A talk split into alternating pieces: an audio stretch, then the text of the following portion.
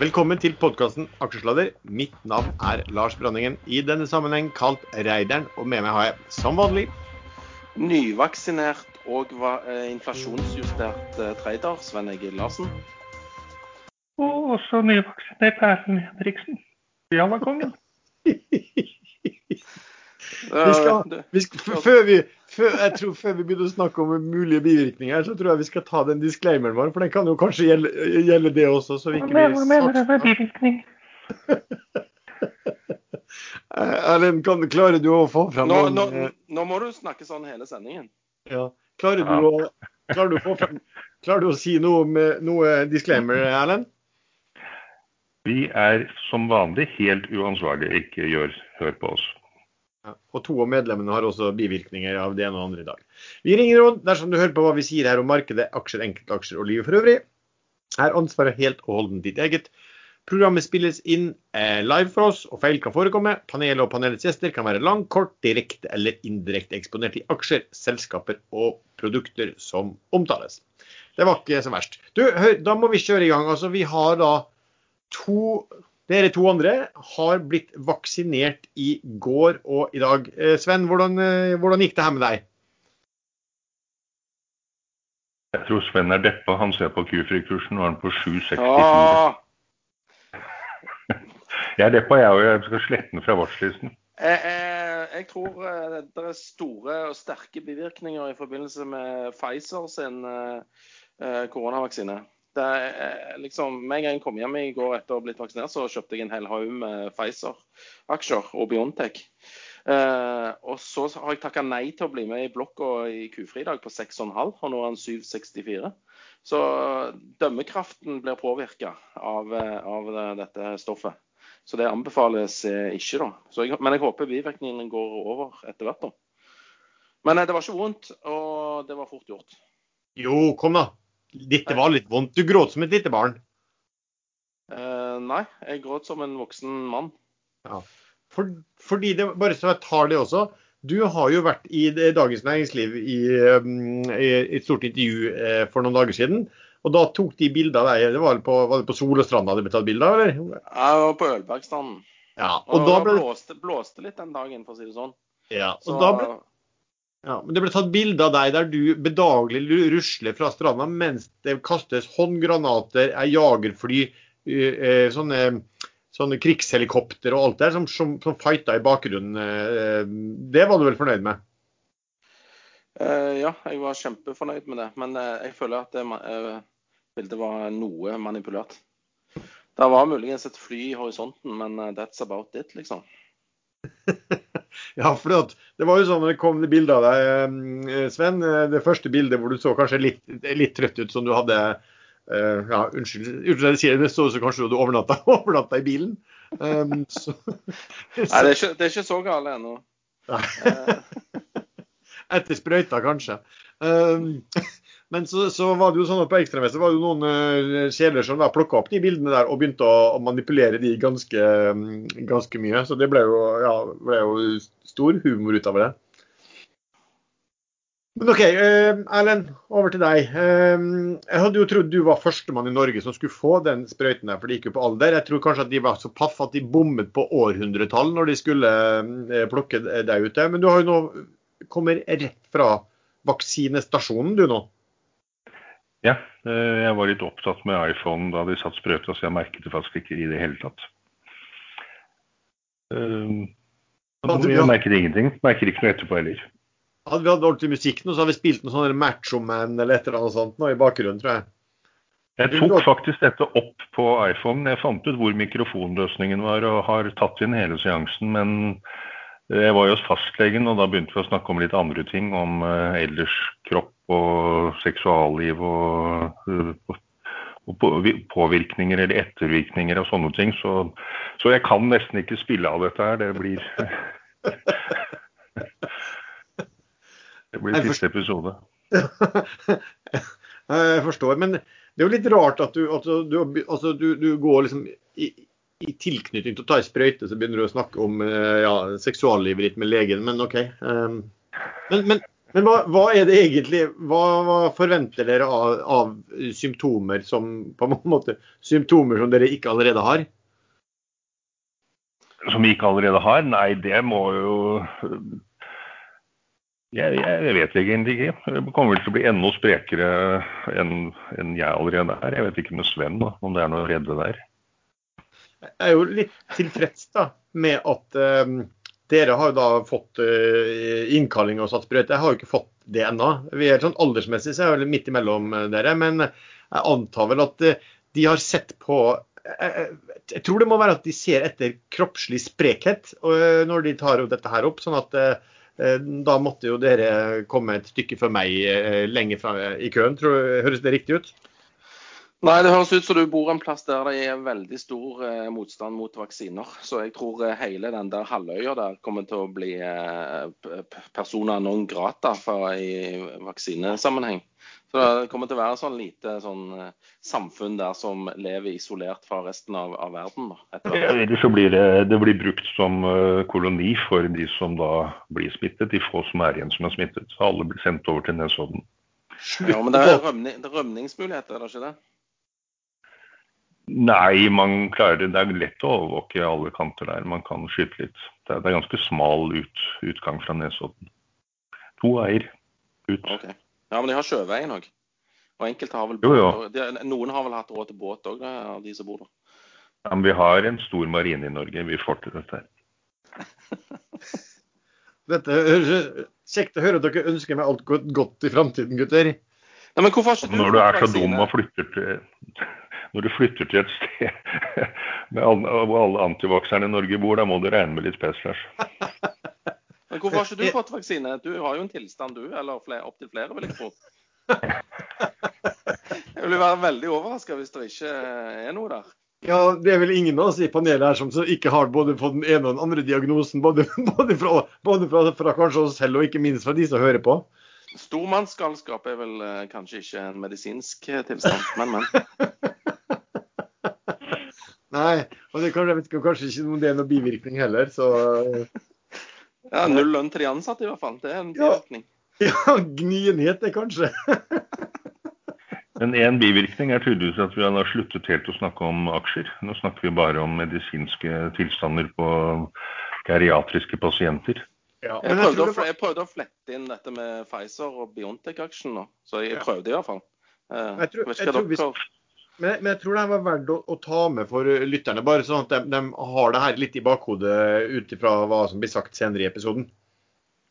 Men OK, la oss komme oss over på det, de, det vi er her for, for å si det sånn. Um, hva... Jeg må bare ta med én ting. Sven og jeg vi, vi, er, vi er, jo vaksinert. Du, du, og jeg, Sven, vi kan reise rundt på sånne liveinnspillinger av aksjesladder. Det, det, kommer til oss ja, drømme til med vakre damer eh, på første rad i miniskjørt. Men uten en slags programleder, så tror jeg vi kommer til å slite, altså. Jeg tror det blir veldig ustrukturert. I noen tilfeller er det greit at det blir litt ustrukturert, men vi kan gå videre.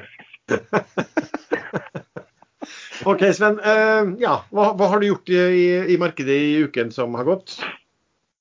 Jeg har uh, Hva er det jeg har gjort, da? Jeg har vært med i en emisjon i Ar Ar Argeo. Uh, den ble helt OK. Um, var vel opp en krone cirka fra emisjonskurs på 8,20, eller hva det var. 8,30, jeg husker ikke emisjonskurs, men det er i hvert fall opp en krone. Uh, og så har jeg shorta denne her ASA, uh, Atlantic Sapphire. Og jeg venter på emisjon, da, så jeg håper den kommer i neste uke. Jeg håpet den egentlig kom denne uken, men det gjorde den da tydeligvis ikke. Og så har jeg treda litt uh, smått. Og så den der Pangea Logistics Solutions den var jeg med fra 294 opp til um, Hvor var det den? Hvor jeg heiv den, da? På to Nei, hvor ligger den nå? Den ligger på 380-370. Jeg solgte den rundt 360, så uh, den var egentlig veldig bra. Mm. Sikkert for tidlig, uh, så den kommer sikkert til å fosse over fire. Men han, de med blokkene de slutta plutselig å selge, de ville ikke selge mer. Så da ble jeg litt sånn Og, og hva gjør jeg nå? Så da solgte jeg. Det var litt dumt, kanskje. Ja, men Det satt kanskje ganske mange folk og, og venta på at det skulle komme flere og flere blokker som var interessert. og Hvis de uteble, da, så var det bare ok, da fikk de bare hive seg inn på oppgangen. Sånn ja. det Men mulig jeg kjøper den inn igjen hvis han dipper litt. Ja. Ellers ønsker jeg ikke noe mer. Nei. Du der, en. Nei, jeg um, hodler. Uh, hold on for dear life i Flyr, som ligger og vaker rundt der hvor jeg kjøpte den. På 5,25 nå, så nå er den vel litt under der jeg kjøpte den. Eh, kommer jo sikkert snart. Det burde vel komme en melding og et fly i lufta i slutten av juni, så den velger jeg å holde på. Selv om jeg egentlig hater å holde på noe som kanskje kommer senere. Jeg liker egentlig best å kjøpe når det har begynt å gå opp. Men Spetalen er vel mer eller mindre ute av den, hvis jeg har skjønt aksjonærlisten riktig. Eh, Både han og alle selskapene hans. Eh, Og da er det kanskje ikke så mange selgere igjen. Eh, Samme gjør jeg med Axis. Den holder jeg bare på. Den hadde en liten eh, dupp, dipp, jeg kan ikke si dipp opp. Nei, en liten oppgang. Eh, Men jeg tror fremdeles det kan bli et vakuum-case der. De annonserte i sist melding at det kommer snart informasjon om tegningsretter for eksisterende aksjonærer. Men det jeg har gjort er at jeg har vippet ut Kyoto. eh, Ikke fordi jeg egentlig ikke tror på den lenger, men fordi det er sånn typisk waiting case som irriterer meg grønt. Det skjer ingenting, og kursen bare faller jevnt og jevnt. Så der tok jeg et tap eh, som jeg egentlig ikke bryr meg noe om. Det, det var først da jeg begynte å komme dit at jeg ikke bryr meg om når jeg taper penger, at jeg begynte å tjene penger. Så husk det. Man må ta tap for å kunne tjene penger. De pengene puttet jeg igjen i Petronor. Eh, tidligere eh, APCL, tidligere tidligere ordentlig møkkaselskap med en ordentlig kriminell eier som ble tatt over av eh, Knut Søvold og hva heter han andre igjen i farten? Han, Gerhard Ludvigsen, blant annet.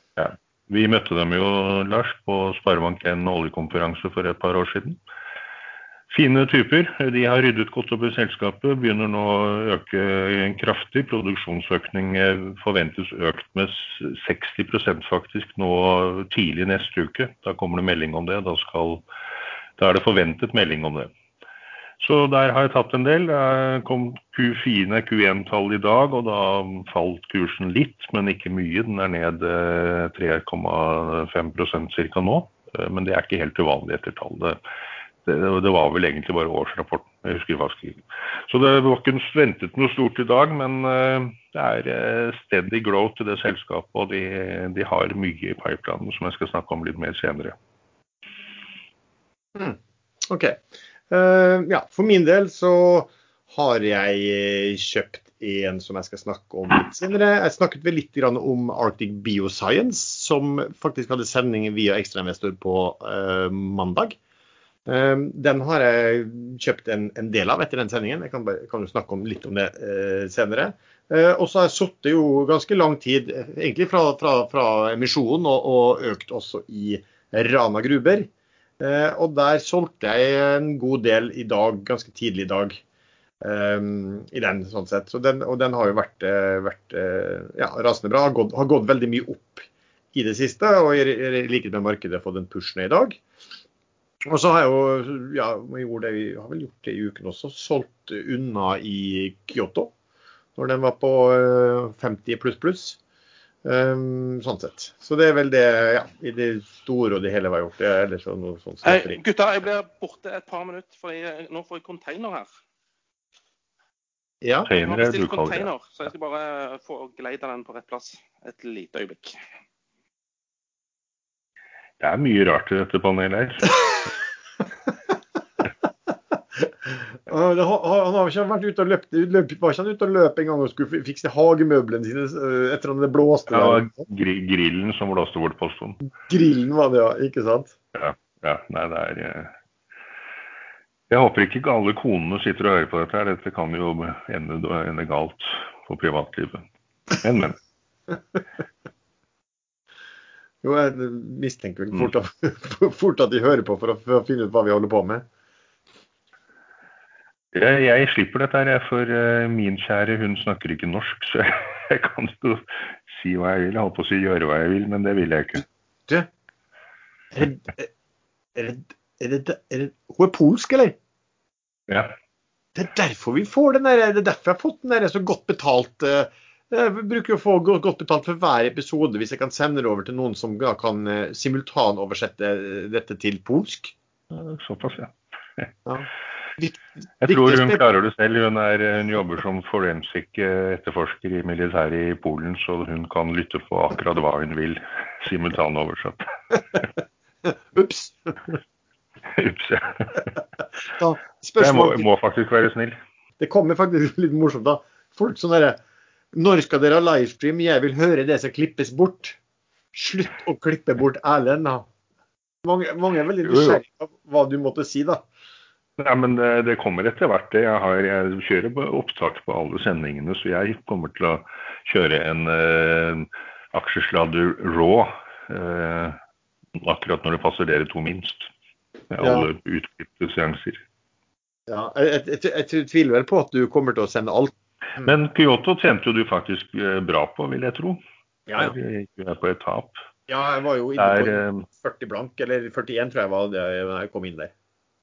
Men det er jo mer din type aksje. Det er jo mer value enn i mine vanlige alle aksjer. Så når jeg prøver meg på sånne aksjer, så taper jeg litt hver gang. Ja, nja, jeg sa vel det den gangen at det var kanskje heller ikke min type, fordi at når, når de ikke har inntekter, sånn, så sliter jeg alltid med å regne på og finne ut hva er verdien på det. Men her var det vel litt sånn hunch at den var banka så mye ned. Det så ut som det var egentlig ikke var noen sånn særlig selgere på det nivået lenger. Eh, og så visste jeg da at eh, litt, OK, det var, det, var, det var jo flinke folk som sto bak. Og at det da ville komme to analyser. Altså, det stemte jo. at det kom, Nå har jo kommet den ene analysen fra fra Fearnleys, og så har det ikke kommet ennå noen fra Sparebank1 Markets. Og Man visste jo at de analysene ville si kursmål sånn og sånn. Um, så, så Det var litt, eh, litt skuffende kanskje den fra Fearnley med kursmål 90 2024. Da syns jeg man trekker ting litt langt fram i tid. men og Da får man jo en følelse av at de kanskje har eh, strukket seg ekstra langt fordi de var tilrettelegger og vil etterlate et godt inntrykk. La meg si det sånn, da. Eh, Det er vel ikke den eh, analysen fra en tilrettelegger som ikke strekkes litt langt. OK, skal vi kjøre på litt og snakke om uh, ukens altså emisjoner som har vært, og uh, debutantene. Det er vel ditt litt sånn spesialområde, Sven, som bruker å følge med på best på det.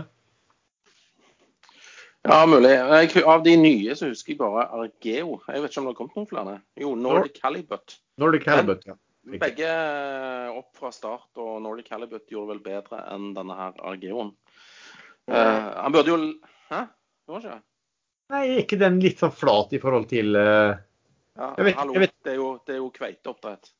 Hvis ikke den aksjen er flat, så, så skjønner jeg ingenting.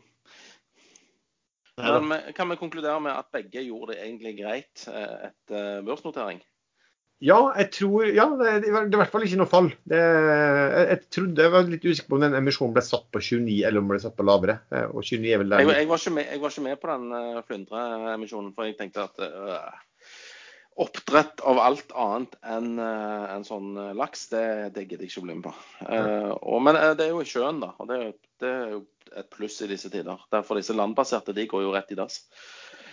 Men nok om det og mer om noe annet. Eh, staten gjorde nedsalg i eh, Aker Carbon Capture og Aker Offshore Vind. Jeg eh, tegnet meg i begge to i det nedsalget, og fikk rundt halvparten av det jeg ville ha. Og kursen gikk under eh, nedsalgskursen, så der klarte jeg å berge, pa, eh, ja, berge paren, sånn at jeg eh, gikk ut i eh, null ca. Eh, og så var jeg med på et nedsalg i Elkem. Eller var det en emisjon? Det var en emisjon, det. Eh, og der fikk jeg tildelt 5000 aksjer av en tegning på en million kroner. Så den trodde jeg jo skulle bli veldig bra, men eh, det ble even-steven på den òg. Alt i alt en dårlig emisjonsuke. Ja, du var nå med i Argeo, da, som, eller du tegna med den kanskje litt tidligere, men den ble jo, ble jo bra, den. Og så lenge du er så rask å komme deg ut fra de som faller ned og får hivet det ut fort, så men, det, Nei, men han, han ligger jo fortsatt godt over emisjonskurs. Ja, og, ikke sant? og taktikken din, synes jeg jo, selv om den er dårlig, så syns jeg jo taktikken din er at du, du er jo ganske bredt med på emisjoner. Så du er lynrask når de eh, ser ut til å få en dårlig Av og til litt for rask. Eh, F.eks. hvis du ser på Bergen Carbon Karbon eh, Solutions. Der var jeg jo fornøyd med å selge på 16, og i dag var han oppe i nesten 60, var det det? Ja. Når skal du lære, Sven? Jeg kommer aldri til å lære. Jeg har gitt opp. Jeg kan Ja, bare bli men- marginalt litt bedre, tror jeg. Altså litt og litt bedre. Ja, men vi kan snakke 772. Hæ? 650 kunne du kjøpt Q-Free i dag. Nei, den var på 790. Nei, 772. Det er noe rart med den Q-Free. Jeg må Han er, han er 7,78 nå. Akkurat nå er han sånn uh, circuit breaker igjen. ja, Den gikk 20 den. Men eh, når var den blokken ble satt? Det var i dag eh, tidlig i dag, eller? Det var når jeg var uh, på Helgø for å kjøpe hummer. Så ringer han duden, vet du, og så det er, Så sitter jeg ikke foran PC-en, og så tenker jeg han er jo på 650, jeg gidder jo ikke Altså, jeg tenkte jo ikke at dette var en selger som har tynga den aksjen over en lengre periode. Jeg tenkte at det var mer selgere som hadde konvertert gjeld til egenkapital, og det, det alltid var ta, mulig å få tak i aksjer. Men jeg tok feil nok en gang. ja. Men det er en bivirkning. Det er en bivirkning, garantert. Et- Etterpåklokskap, vet du, det hjelper. Det, Det er eh, circuit break på den akkurat nå. Så da vet man ikke jeg, jeg, jeg jeg sa det for cirka jeg, Du sa det, ok. Det er bivirkninger på den vaksinen, altså. Jeg var litt opptatt av, lurte på om du spiste softis også da du var og kjøpte hummer på den brygga? Er ikke det du pleier å gjøre? Og, som jeg sa i siste episode, så var det fotografen som spiste softis. Og eh, softisen på Ølberg er ekstremt overprisa. Det er den samme softisen fra Henning Olsen som de har alle andre plasser. Jeg Vet ikke hvorfor den har fått så veldig godt rykte. Men eh, Lars, du begynner å bli litt grøtete i mikrofonen din igjen. Jeg tuller ikke heller. du, eh, men eh, Bergen Carbon Solutions, den har jo da eh, Beklager seg, vi må nesten bare snakke om den, for det har jo gått noe veggimellom. Og eh, det var jo da slik at i går Kan jeg, bare, kan jeg bare ta på plaster på det åpne såret før dere gnir masse salt i det? Ja, nei, vi, vi Altså, jeg tegner meg ikke selv da i Bergen Carbon Solution. Jeg fikk jo tilsendt og spurte om jeg ville tegne meg, så, jeg, så så for guds skyld. eh, Det er flere som er som kunne, kunne vært med på den. Eh, Men de, de, de meldte i hvert fall på børs at de hadde inngått en intensjonsavtale, eller, eller fått et brev om en intensjon fra en, en, en, en større japansk aktør som gjerne ville kjøpe produktene deres. Det sto vel ikke noe, det hadde vi ikke gjort noe avtale, var ikke noe om volum eller pris. Men det var jo det som sto da. Men i alle fall, børsen, kursen gikk jo opp 64% på den eh, meldingen.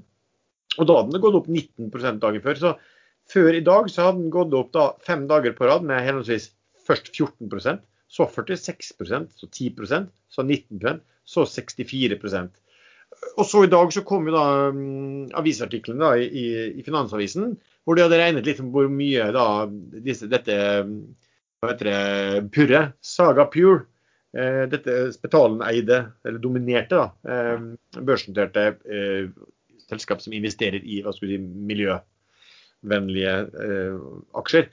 Og de hadde da regna at de hadde sånn ca. en gevinst da på tigangeren siden eh, på fem måneder.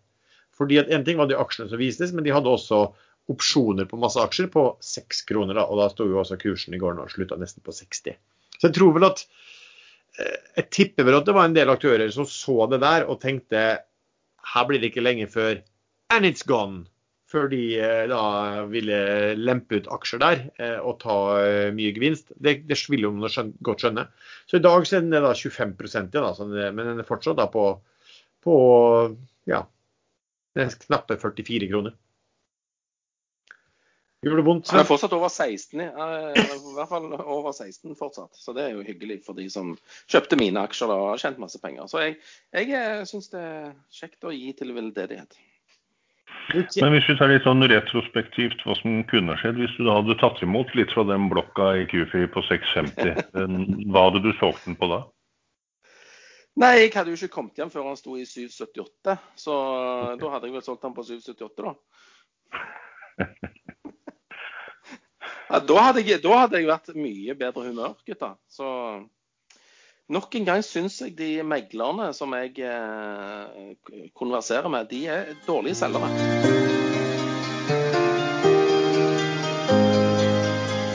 Denne episoden er sponset av CMC Markets. Og med oss har vi sjefen Henrik Sommerfelt til å fortelle oss litt om hva de tilbyr. Takk skal du ha, Lars.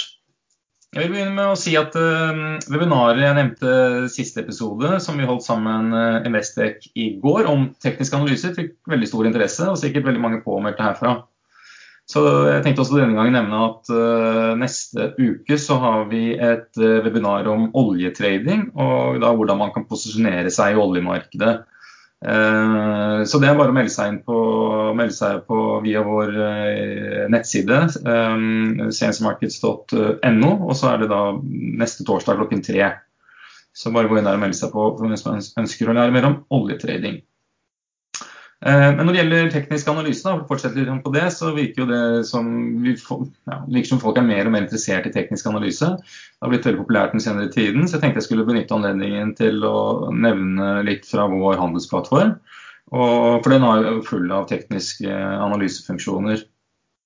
Blant annet så har vi tolv forskjellige chart-typer, alt fra vanlige linjediagrammer til, til, og, og candlestick til mer avanserte chart, som Renko og Kagi og, og hva det nå alle heter. Uh, vi har mer enn 35 tegneverktøy i plattformen, som bl.a. kan brukes til å tegne støtte- eller motstandsnivåer, skrive notater i chartene eller fremheve viktige kursbevegelser. Plattformen har rundt 80 forskjellige tekniske indikatorer, som f.eks. MACD, Bollinger Bands, RSI og glidende snitt, og mange flere. Eh, og En veldig populær funksjon eh, er at man kan handle direkte fra chartene. Eh, hvor man kan trekke linjer til nivåer i chartet som man ønsker å handle fra. Den inneholder også en helautomatisk pattern recognition scanner. Denne skanner etter ulike mønstre som man kan være interessert i. Så jeg oppfordrer alle til å teste våre, våre tekniske analyseverktøy på, på, en kostnadsfri demokonto som vanlig, um, eller delta på en av våre webinarer om teknisk analyse, som vi har regelmessig. Avslutter med at det er viktig å være klar over at handel med CFD innebærer giring, som kan forstørre både gevinst og tap, og at all trading innebærer risiko.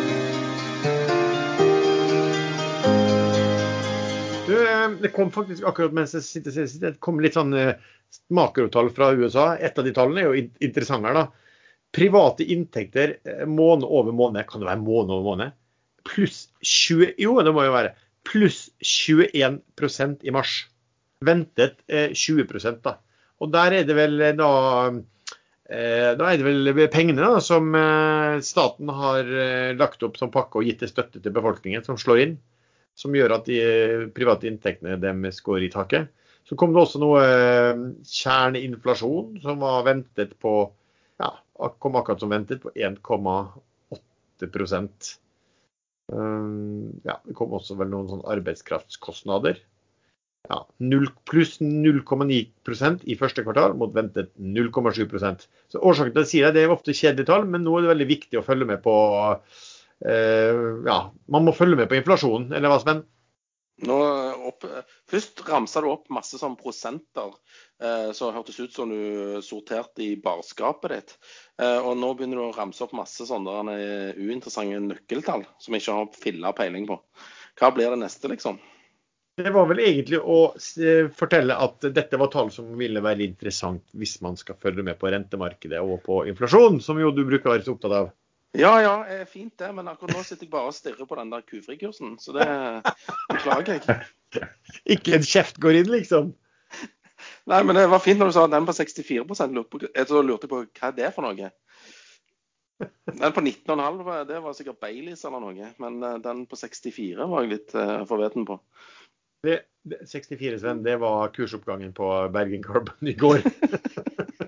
og den på 19 dager før. Det var Baileys, bare si det. Eller var det, det sånn Baileys. Bristol ja, ja. Cream, eller hva det heter for noe. Um, skal vi se. Vi må, vi, må, vi må også få, vi driver med folkeopplysning. Uh, bare få skyte inn at polet er stengt i morgen, til de som hører på denne sendingen. da er ja, da er det for sent. det er 1. mai når dere hører dette. Det er stengt i butikken, gutta. Jeg har en eh, magnumflaske uh, Cranoni fra Toskana 2017. Så jeg klarer meg greit i helgen. Castello di Farnetella. Den er god. Eh, men Magnum, er ikke det bare to flasker, da? Det er en dobbeltflaske. Ja, det er ikke bedre. Første gang jeg opplever at noen sitter på et, et, et, det som blir et opptak, da, og ler av de som, eh, når de, når de senere hører opptaket, ikke har rukket å kjøpe alkohol. ikke har rukket noe. Ja, for det er sikkert en del som kommer til å lytte på dette. altså, i morgen lørdag. Og finne Å, faen! Nei, men eh, Lars, bare legge ut sendingen uklippet, så rekker eh, folk å få med seg advarselen. Aldri uklippet, Erlend. Herren. Aldri uklippet. Da er eh, tittelen eh, allerede bestemt. eh, Polet stengt 1. mai. Ja, alt som står. Og slippes med en gang. Skal vi snakke noen ting om den Arktik-saken, og hva som har skjedd der? Er det noe interessant? Sven? Det er jo noe, dritt, for å si det mildt. eh, At dette er eh, Det er ikke en engangstilfelle og en tilfeldigvis ble oppdaget, men det har jo vært en eh, kultur i bedriften. Ukultur i bedriften.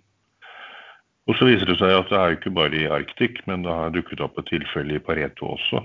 Men det, er ikke noe stor overraskelse at, at analytikere og meglere beriker seg litt på det de vet skal komme. Eh, Chinese walls har vel jeg alltid kalt for Japanese walls, papir, papirvegger. Så litt for mange som vet litt for mye på forhånd, og så har det vært for dårlige retningslinjer eller slapp holdning, eller rett og slett de har gitt faen eh, og latt sine medarbeidere berike seg på det som de vet kommer. Sånn skal det ikke være. Så bare ta dem hardt, riste dem ordentlig. Kjølhaling er Jeg syns vi skal gå tilbake til kjølhaling og firdeling når det er sånne ting. Fildeling. Firdeling. Da tar man fire hester og binder fast hvert av lemmene. Man kan ta fem hester òg, det blir litt mer interessant å se på. Eh, og så går de i hver sin sånn jeg trodde du mente sånn fildeling, at de legger de ut på en eller annen plass som jeg kan få analysen før han blir Ja, du tenkte tenker litt publisert. annerledes enn meg. Ja, ja. Jeg er opptatt av fair play. Ja. Det skal være fair, det som skjer her. Man skal vite Ja, hva som skjer og hvorfor og skjønne kommer- det. kommer jo aldri til å bli helt fair. Det er jo alltid noen som vet mer enn andre. Og sånn kommer det alltid til å være. Jo, jo. Det, det er greit. Men jeg syns man skal ha veldig klare regler på hva som skjer, og strenge straffer når noen blir tatt. Det eneste som eh, er, virker motiverende til å følge reglene, det er at det er eh, veldig strengt å bli tatt for sånn. Da skal man miste eh, lisensen til å drive meglerforetak, og meglerne som gjør det, skal vite at det vanker fengselsstraff, og eh, at den jobben eh, kan de bare skyte en hvit bil etter. Men, men hva Hva, hva, flere hva var det som skjedde med Arctic nå? De fikk eh, streng irettesettelse av Finanstilsynet. Det er jo helt latterlig. Her er det noen som har beriket seg. Jo, men, men det, saken er ikke konkludert. De ser jo nå på de ansattes uh, handl, handler. Det gjorde de ikke i første instans. Da kikket de bare på meglerhuset. Nei, De er vel ute, men de, jeg vet ikke om det er sammenlignet som vi snakket om før, der de er ute også Finanstilsynet og ser på hvordan meglerhusene har gjort i forhold til analyse. Dere må få eh, også korrespondansen med selskapene de har analysert også. Så det kan jo bli interessant. Altså litt sånn, jeg, jeg tenker jo litt at eh, det, er klar, det er jo ikke helt klare lovregler på dette her. Eh, det er vel visse regler da, som, det, som man har fra bransjeforbundet, og det virker som de forholder seg litt ulikt til det. Men in the end så er dette et eh, ledelsesspørsmål. Og så er det jo sånn, det var, Jeg merka meg det, det var litt spesielt. Jeg tror det var Dagens Næringsliv som skrev det. og Da var det, det var noen Arctic Guns som hadde kjøpt, og det sto et eller annet at dette var folk som hadde kort fartstid i selskapet, eller, eller om, om det sto at de var ferske eller etter. Altså, det var litt sånn eh, OK, her framsto det nærmest som at det var stort klart at her var noen som skulle kastes under, bygg, under bussen og, og kjøres over og, Ja, ja, er og, og rygges over etterpå. Det er, det er jo sånn. Men det er sånn ukultur. Det, alle husker sikkert den drosjeskattesvindel, eh, svart penger-saken for mange år siden, hvor nesten alle drosjesjåfører i Oslo brukte samme, samme regnskapsfører. Så alle snøt på skatten. Det spredde seg jo. Dette var jo øh, kun Oslo Taxi den gangen. og det er ingen tvil om at Oslo Taxi-ledelsen visste hva som foregikk, uten å slå hardt ned på det. Så der jeg mener at det er ikke så mye meglerne som skal tas. De skal selvfølgelig tas ut fra regelverket, men her er det et ledelsesproblem, sånn som du sa. Men det som, eh, det som da skjer her, i, er jo da De gjør jo litt sånn som vi snakker om og har trada på også. At de vet jo kanskje at eh, deres eget selskap da har gjort eh, emisjoner for en aktør.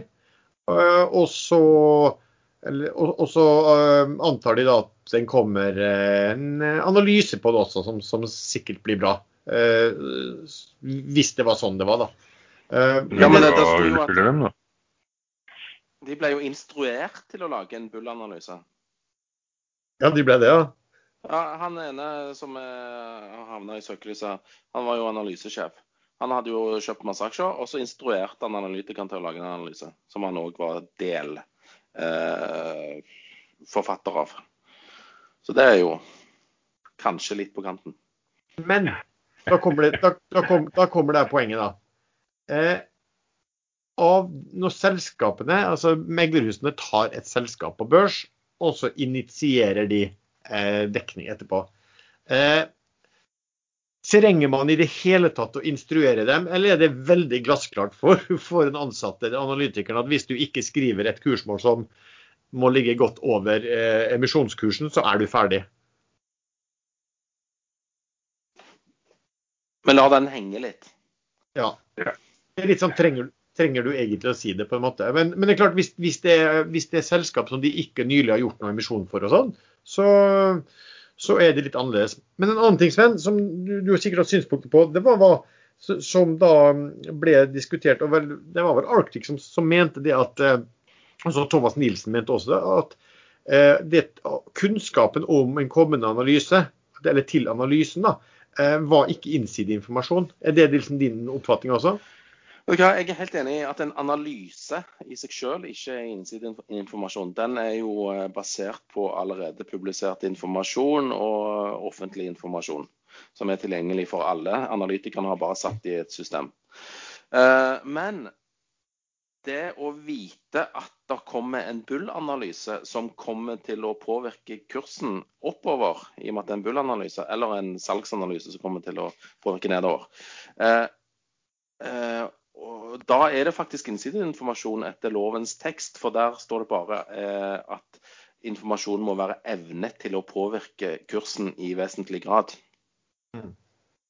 Og, så er det forskjell på når de ansatte i meglerhus eh, handler på det. Eh, det er noe helt annet enn at vi handler på det samme, fordi vi regner med ut fra erfaring at det kommer til å komme bullanalyser etter. Ja, men vi har, vi, har jo, vi har, jo, skjønt mønsteret. Eh, hiv noe grønt eh, galskap på børs, vent to uker, få få bullanalyse selv.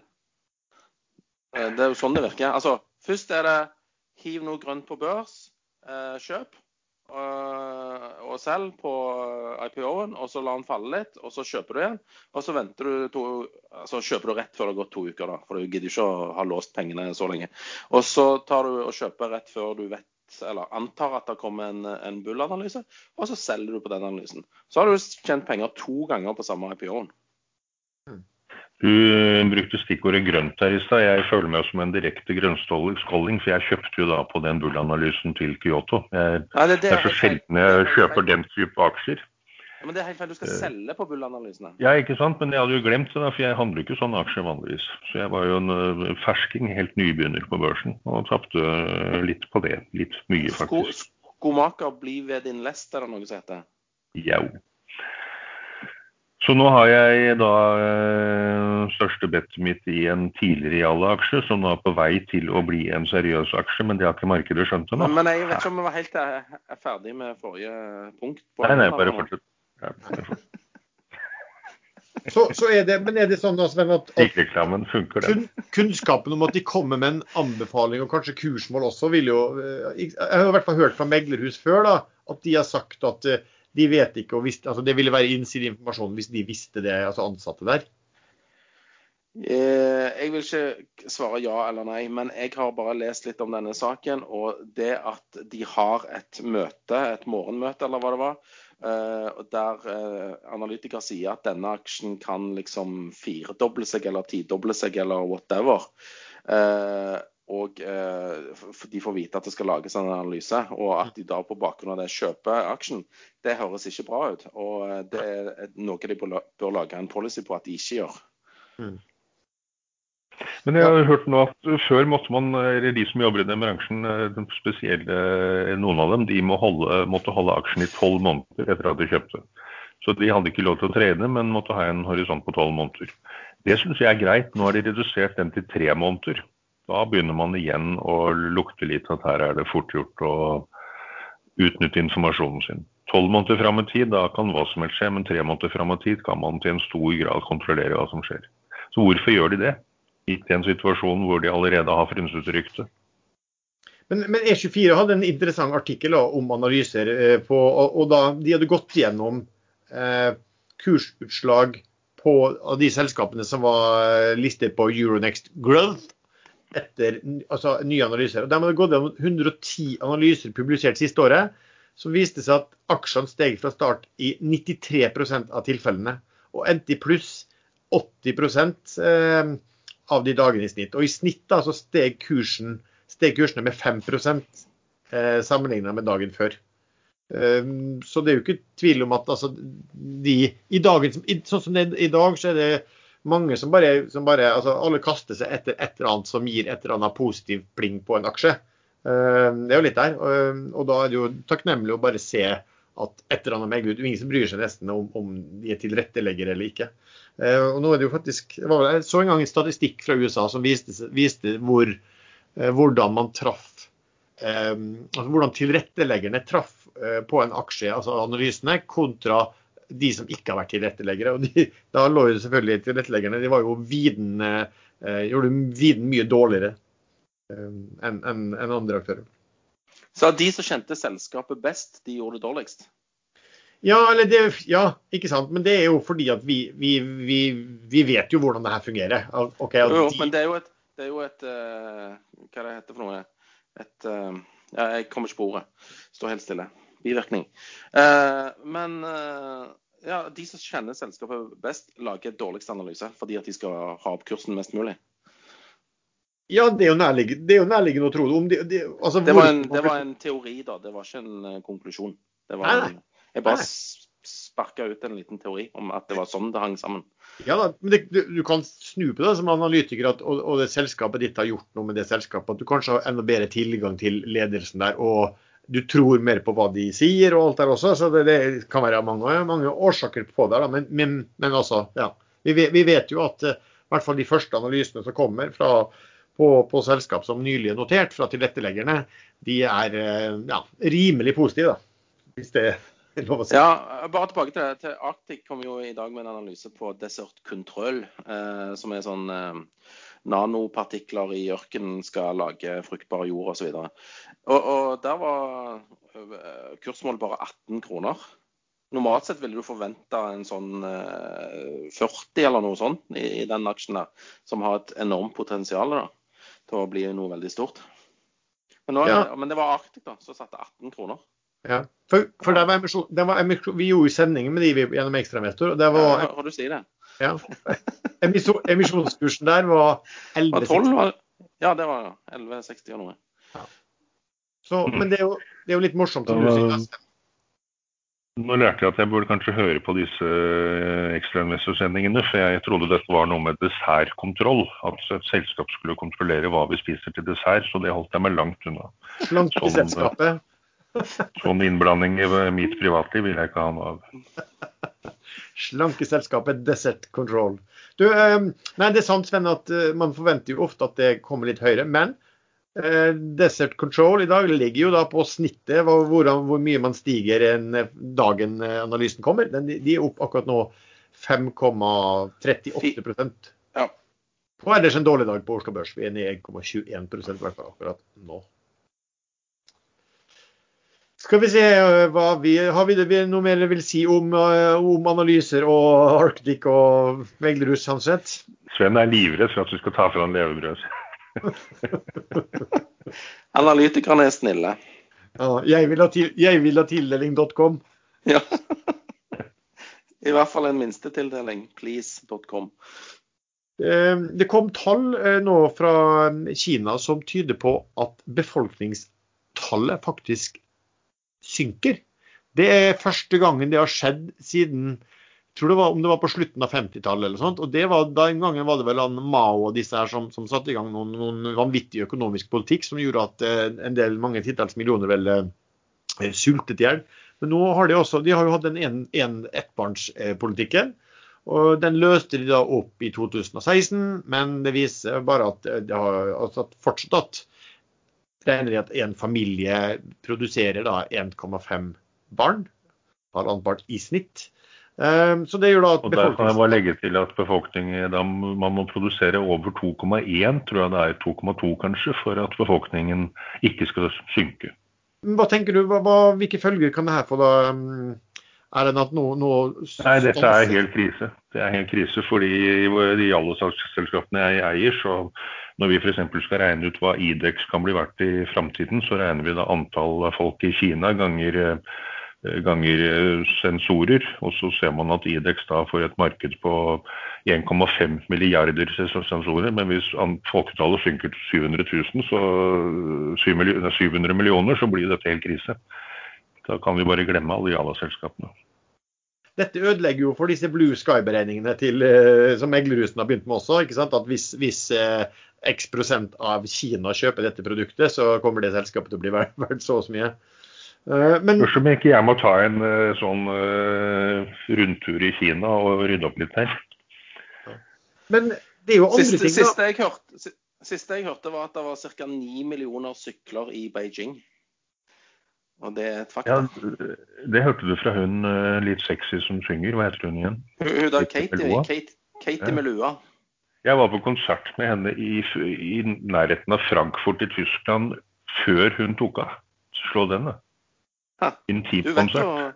Jaha, du trenger ikke Jeg tror du må snakke med legen din om dette. Men hun holdt vel en gang konsert nede på, på en sånn Var ikke det en oljeplattform utenfor Stavanger, Sven? For en del år siden. Jeg lurer på om hun var Jo, det var noen der jo. Ja. Satt rekord på lavest. Altså, det, det, er en sånn uh, betongplattform.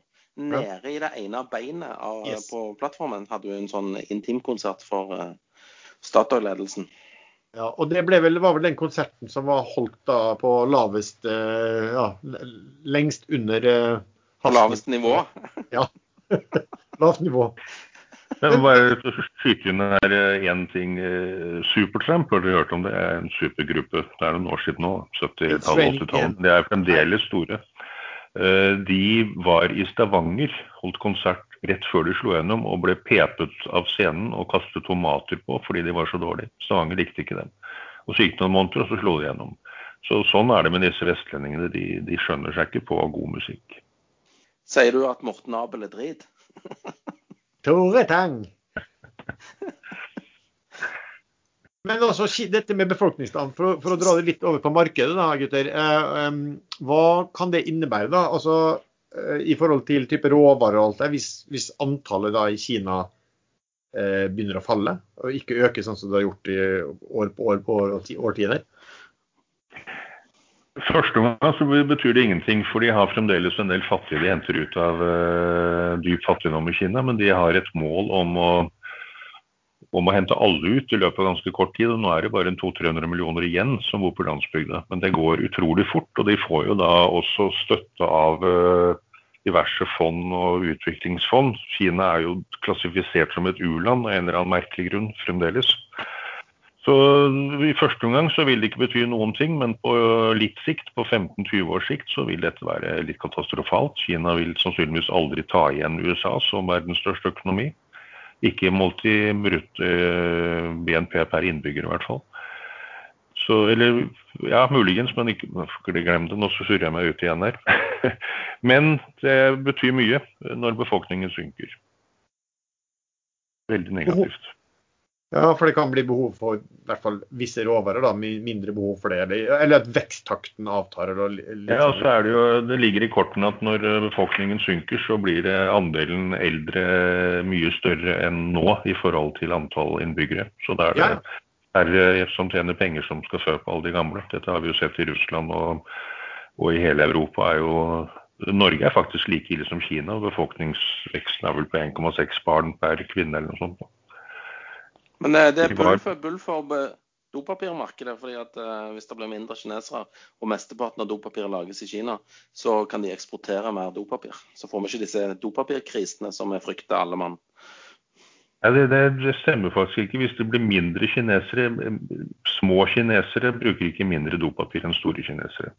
Hvis det blir færre kinesere, så vil det problemet oppstå. Ja, det var jo det jeg mente. Det ble, ble det ikke færre? Ja, jeg vet du mente det, men du, du, klarte ikke å si Du sa mindre. Ja, jeg sa mindre kinesere. Ja, men det, det, det mindre er vel et synonym med færre, er det ikke? Er vi nå inne på, er, eh, er vi nå inne på en diskusjon om stor rumpe og liten rumpe bruker hvor mye papirer de Nei, bruker? det er antall kinesere per do, eh, dorull. Eh, den ratioen der, da, at det blir mindre, altså færre kinesere for å være korrekt. men vi kan dra den til bakdelen. eh, Fordelen og bakdelen. Ulempe da- heter det faktisk. Ikke sant, det var det jeg skulle fram. Bakdelen sitter man på. Ja, men eh, de, de har i hvert fall kalt oss en, en eh, demografisk krise de er på vei inn i. Ja, fordi, at, fordi at de har jo hatt den enba, enbarnspolitikken i årevis, og da begynner de også å få en eh, Men jeg, jeg tror ikke dette er noe vi eh, også oss tre, trenger henge oss så veldig mye opp i nå. Det påvirker ikke det påvirker markedet neste året, skal du si. ikke i vår levetid, tror jeg heller, faktisk. Snakk for deg sjæl. Jeg klarer 100 år til. Du, vet du hva, Det har, det har kommet litt sånn statistikk. Det har jo, kommet fra Nordnett i går om at eh, de hadde hatt enorm vekst av nye, nye kunder. Eh, og det har man sett rundt overalt også. Eh, og nå har det kommet en sånn liten sånn rapport også, eh, som tyder på vel Aksje-Norge og Euronext og alt det her som har gjort. De har funnet at eh, 44% av alle privatpersoner som eier aksjer på Oslo Børs, de eier kun aksjer i kun ett selskap. Og 84% eier aksjer i fem eller færre selskap. Uh, Erlend, hva tenker du om det? Jeg tenker at de hva du sa, 44% som eier aksjer i et selskap. Ja. Noe man ofte ser på ekstrainvestor i disse kanalene med enkeltkanaler per selskap, at de må ta seg sammen. Det er en fullstendig galskap. Og det er gjerne veldig high risk-aksjer de mm, handler i. Eh, enten biotech-aksjer. Bergen Bio f.eks. Der er det mange som er all in. og det man må lese litt statistikk for å skjønne at uh, uansett hvor bra det ser ut i fase 1 og fase 2 og til og med fase 3 i biotech-selskap, så kan det ende opp med at selskapet aldri får en medisin ut i markedet. Så, eller det de driver med. Så man må ikke være all in i samme selskap. Jeg skal innrømme at jeg har vært all in noen ganger, særlig i fjor. Uh, men da kunne jeg såpass mye om selskapene at jeg visste at det ikke kunne konke dagen etter. Da var jeg forberedt på å kunne ta et 10-20-30 tap. Um, Men det skal man gjøre I utgangspunktet skal man aldri gjøre det. Andre ganger, eh, hvis man gjør det, så skal det være over veldig korte perioder. Å sitte all inn i et selskap i mange år, det er fullstendig galskap. Eh, Under fem aksjer, det syns jeg er helt fair. Det gjør jeg selv. Jeg har gjerne tre-fire innimellom fem. Akkurat nå er jeg fire. Så da har jeg full kontroll. Um, man kan gjerne snakke om diversifisering og at man øh, risikerer for mye, men det er en planlagt strategi. Eh, Og bare for å ha mitt på det tørre, så er da verdens rikeste mann, Warren Buffett, øh, i hvert fall sånn som personlig investor, bygget opp fra egentlig ingenting til å bli en av verdens aller rikeste. Han, han har sagt helt tydelig at de som diversifiserer, det er de som ikke tror på egne eh, egen kunnskap om selskapene de investerer i. Så han har ikke noe spesielt imot all in, men eh, da kan man selskapet ekstremt grundig, og det finnes ikke noe konkursrisiko dagen etter i sånne selskap. Så kan man også si at selvfølgelig kan alt konke dagen etter uansett. Det kan komme et uh, uventet uh, rettskrav eller uh, noe som gikk fullstendig feil, men i korte perioder, så ja. Å sitte med 20 aksjer har jeg aldri skjønt hvorfor noen gjør. Da kan man like godt ha eie andeler i fond. Har man 20 aksjer, så har man også flere sektorer samtidig. så da og aksjemarkedet er jo mye sektorrotasjon.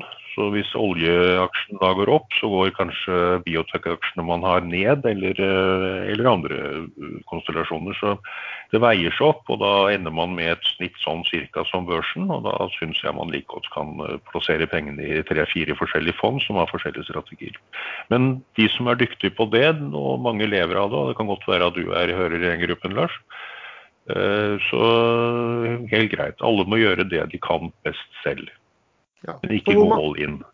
Mange, ja, ikke sant? Og enda farligere hvis du begynner, hvis du begynner å belåne det også. fordi at, i hvert fall hvis det er en sånn store forventningscase.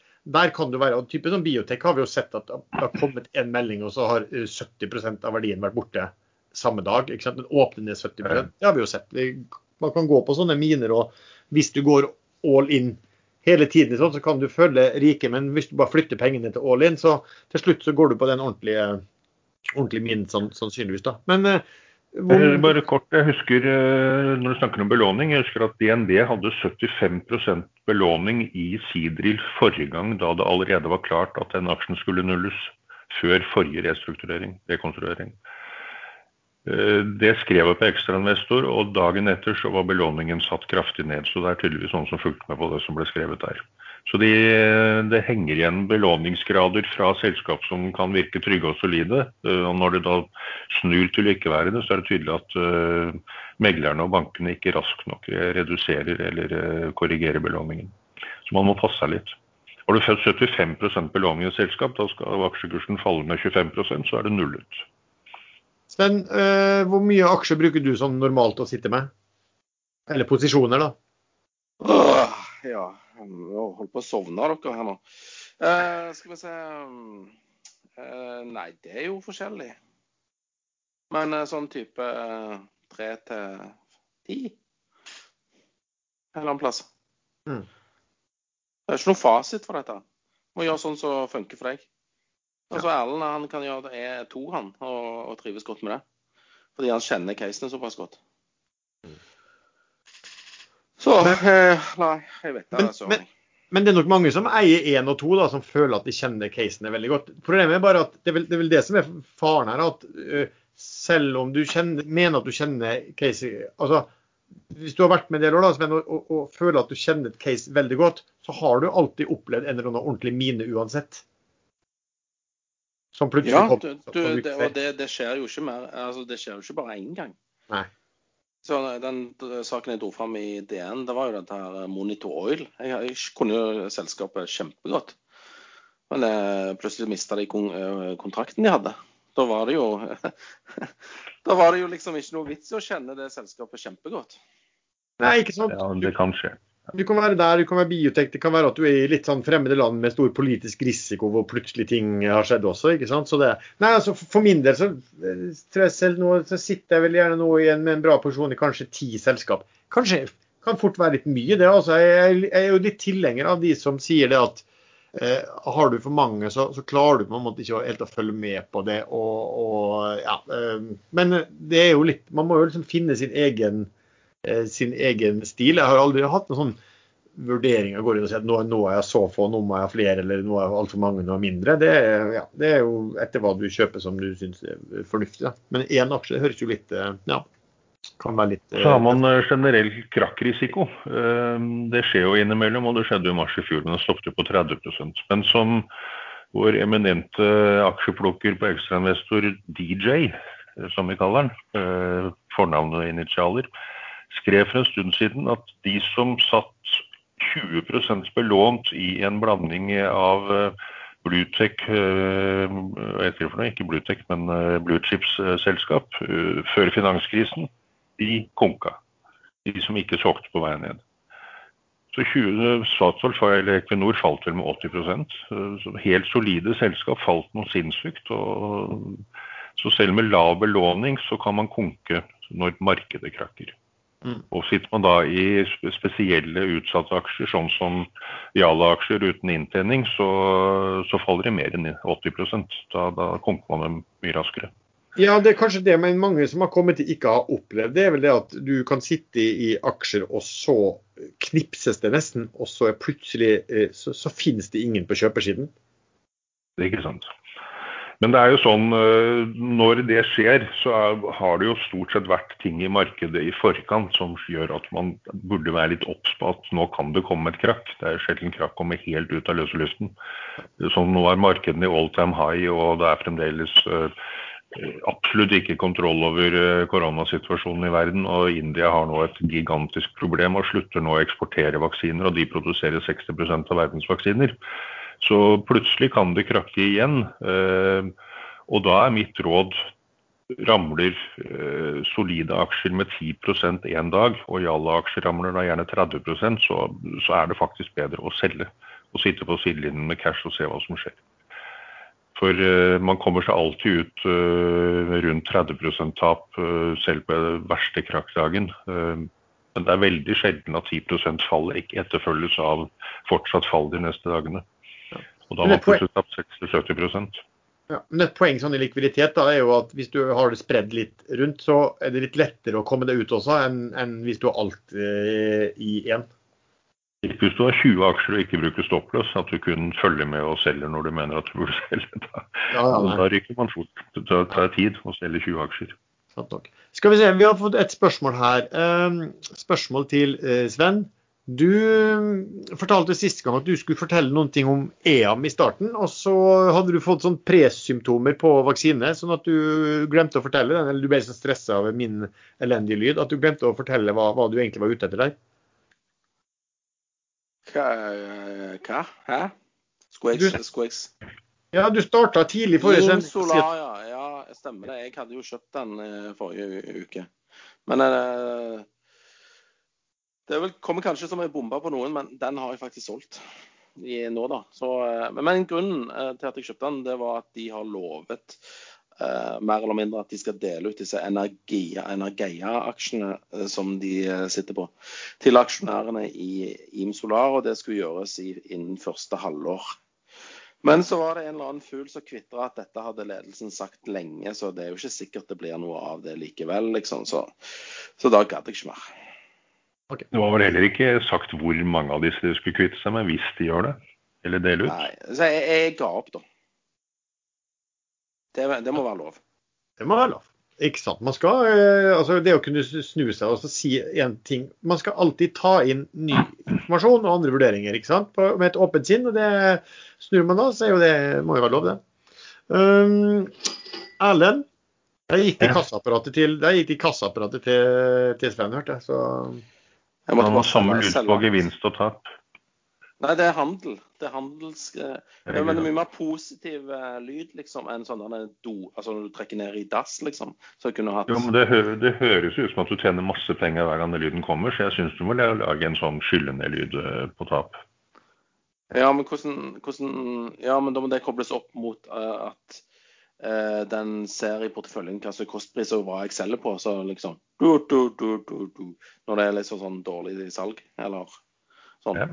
Det blir for avansert. Jeg gidder ikke. Jeg har hatt kasseapparatlyden siden eh, ca. 2004. Hva var det du solgte nå? Tjente du eller tapte du? Uh, jeg tjente på den, ja. Jeg kan ikke si hva jeg solgte. Det er hemmelig. Men det var en aksje notert på Oslo Børs. Du, Erlend, spørsmål til deg. Hva er status på boblebadet ditt? Har det blitt sittende fast i, i Suezkanalen? Nei, det, men, men aksjemarkedet går jo ikke så bra som i fjor. Da, så foreløpig holder jeg meg til bade, badebaljen i sink med to håndtak. Vi hadde jo masse om eh, badestampen til Erlend for uh, var det to episoder siden. Men uh, lytterne kan glede seg til uh, når, uh, når, det blir livesending fra, boble, nei, fra bade, badebalja. fra hyttebrakken som jeg skal sette opp. Ja, for det er, det er et spørsmål om når blir det endelig livestream? Og det er sånn at folk vil høre det som klippes bort, skrev vedkommende. Og Det er jo ikke så sikker på at de vil når de først hører det, men at de vil kanskje helt glemme at de har hørt det. Men det er jo så. Her var det en som eh, da med etterpåklokskap sier at ja, hva, hva, tenker dere nå om Jinhui, for den har jo gått så mye opp siden vi slaktet den? Ja, men den følger jo bare med i dragsuget, dragsuget til disse her bulkaksjene. Det er helt logisk, det òg. Altså folk som ikke kan det selskapet. Å ja, bulkaksjer, kjøp. Det er jo ikke verre enn det. Ja, for, men det er jo litt sånn at man kan spekulere i det, men vi bare sier hele tida at endgame i det selskapet er stort sett at uh, ledelsen drar ut veldig mye penger, og at de gjerne bruker å gjøre eh, litt rare, eh, store transaksjoner som de eh, ofte tapper mye penger på. Jeg syns det selskapet har fått ufortjent mye tid i podkast. Ja. Det er ikke sånn at de bruker å gjøre det, de gjør det alltid. Er det ikke det? Kan man ikke konkludere med det? Det skjer hver eneste gang. Jeg vet ikke. Um, så er det en av dere som har lyst til å fortelle litt om, si litt om kryptovalutaer mot Ethereum i Ja, forhold det, til bitcoin. det, der må jeg komme med noe. Eh, jeg, jeg skulle tatt med det hva jeg har gjort i løpet av uken. Men jeg fikk et innfall eh, om at Ethereum kommer til å bli den kryptovalutaen som faktisk kan brukes til noe. Så jeg solgte mine bitcoins. Eh, jeg hadde Ethereum fra før òg, men jeg hadde sånn 50-50. Men jeg solgte bitcoinene og så putta alt i Ethereum, og så økte jeg litt eh, til i Ethereum med eh, vanlige penger. Så eh, det er, det, det er jo den valutaen som brukes eh, på disse NFT-dingsene. Altså når du kjøper sånn non-fungible tokens, som er et, bare et tullemarked, eh, tror jeg da til slutt. Eh, der du liksom eh, kan dokumentere eierskap til en digital eiendel. eiendel. Høres helt merkelig ut. Men eh, jeg syns kanskje du bør auksjonere bort sånn den og den, altså alle aksjesladder-episodene, Lars, på sånn NFT-marked. Ja, du kan, eh, altså, dette er den originale, liksom. Ja, ja. Du har eierskap til den episoden, liksom. Ja. Til den originale innspillingen. Ja. men folk lager jo kunst og sånn også nå. ikke sant? Sånn ja. digital kunst. Og så Men, bruker men jeg føler vår podkast er grense til kunst. Det er altså Digital kunst, syns jeg det er da. Men eh, nok om det. Jeg bare switcha alt fra bitcoin til Ethereum. Eh, fordi at det, jeg tror den kan ha eh, fremtidige bruksmuligheter way beyond det, det bitcoin kan brukes til. Jeg tror den blokkjedeteknologien de kommer med, er den beste for utvikling sammen øyemed.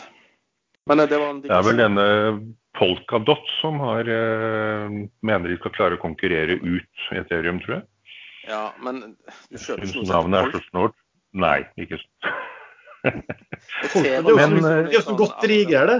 Ja, Det er jo sånn, det er jo sånn godteri Nei, er sånn egentlig er polkadot eh, et mønster. Rødt og hvitt. rødt og hvitt. Ja, ja. Det, er jo- fra Polen. ja, men det var jo på godteri. Ja, ja, Lars. Det er greit. Du kan ha sånn godteristang òg, akkurat så, eh, sånn forma som en slags en sånn bandykølle. Hvis du snur den opp ned, da. Men man må, når man snakker om krypto, så, så er det jo Vi snakket vel om siste episode at uh, veldig mange fond og institusjonelle går nå inn i krypto som en del av porteføljen sin. Det er ikke all verden det er snakk om, men sist uke kom det, eller denne uken var det vel, kom det da en melding fra Tyskland at tyske fond, og da snakker man om større fond, eh, får nå lov til å investere opptil 20% i krypto.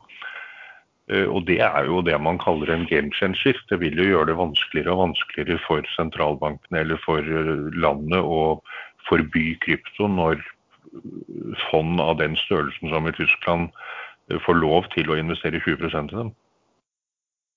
Så jeg tror eh, man må se på krypto som en helt vanlig tredbar asset og ha en del av det i porteføljen sin. Og når et tysk fond av, eh, mange tyske fond av en viss størrelse, som er liksom de tone, toneangivende i Tyskland, får lov å ha 20% så er ikke det et tall man skal se bort ifra at kan være fornuftig å ha andel av. Er det noe annet dere vil snakke om, eller skal vi gyve løs på den som vi bruker på slutten, som er ukens eh, favoritter? Bare en liten, eh, Det kom en børsmelding fra Doff, Doff eh, hovedselskapet, og Doff Subsea, hvor de da igjen utsetter eh, eh, Bondholderne aksepterer å utsette eh, standstill agreement med en måned til. Og det har de gjort nå i snart to år. Eh, Hva skal man tro om dette selskapet? Overlever Doff, eller er de doomed? De har jo en storeier i Møgster. Er han møkka lei? Gidder han å fortsette? Jeg elsker måten du sier doff på. Doff. På tysk betyr det kjedelig. Ah, Skikkelig ja.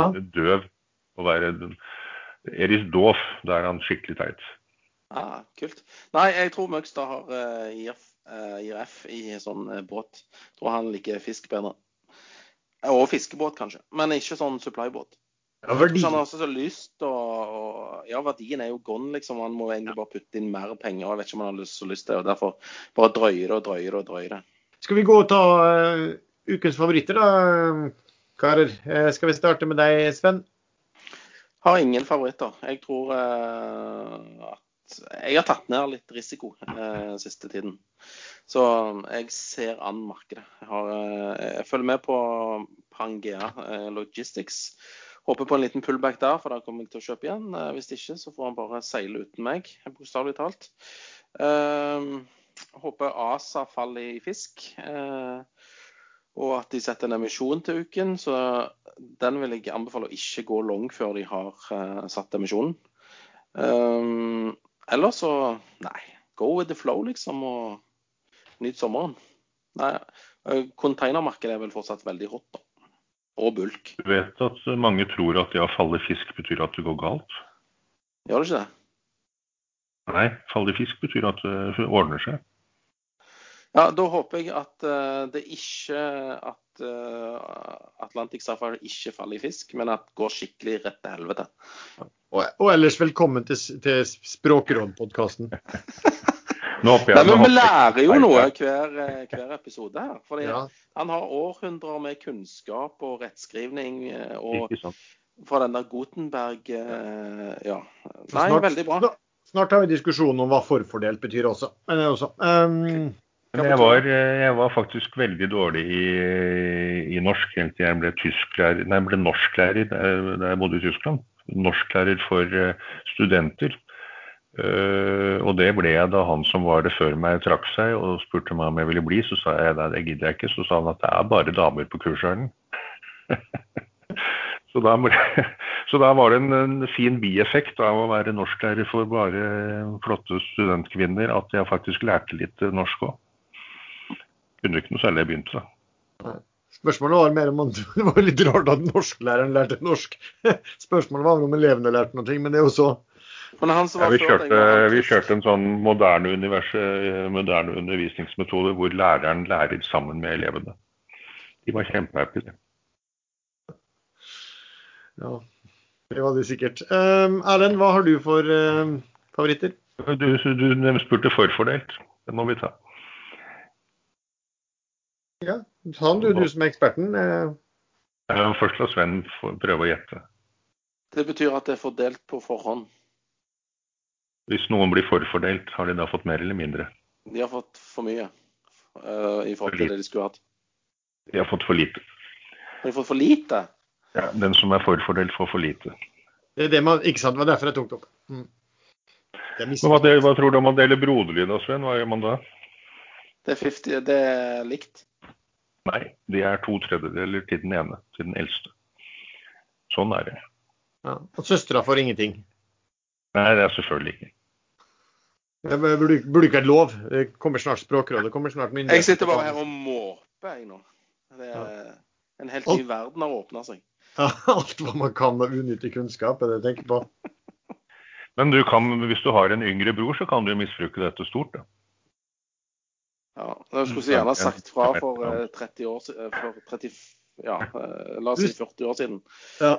Du kan, du kan selge, selge din at du skal forfordele din bror. så han er sikkert kjempeenig. Skriv det ned. Så deler vi arven broderlig, kjære bror, som er yngre.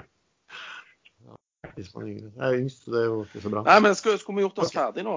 Ja, jeg har kjøpt hummer, hummer, i dag, så jeg er klar for litt uh... Erlend, favoritter? Hum humring? Ja, nei, da Bortsett fra at jeg fremdeles tror Finn skal sky high, men den er på vei ned nå. Men den, eh, den korrigerer litt ut fra teknisk. Det eh, skjer ikke så mye, men det skjer noe snart. Så er det da Petronor som Petronor, ja.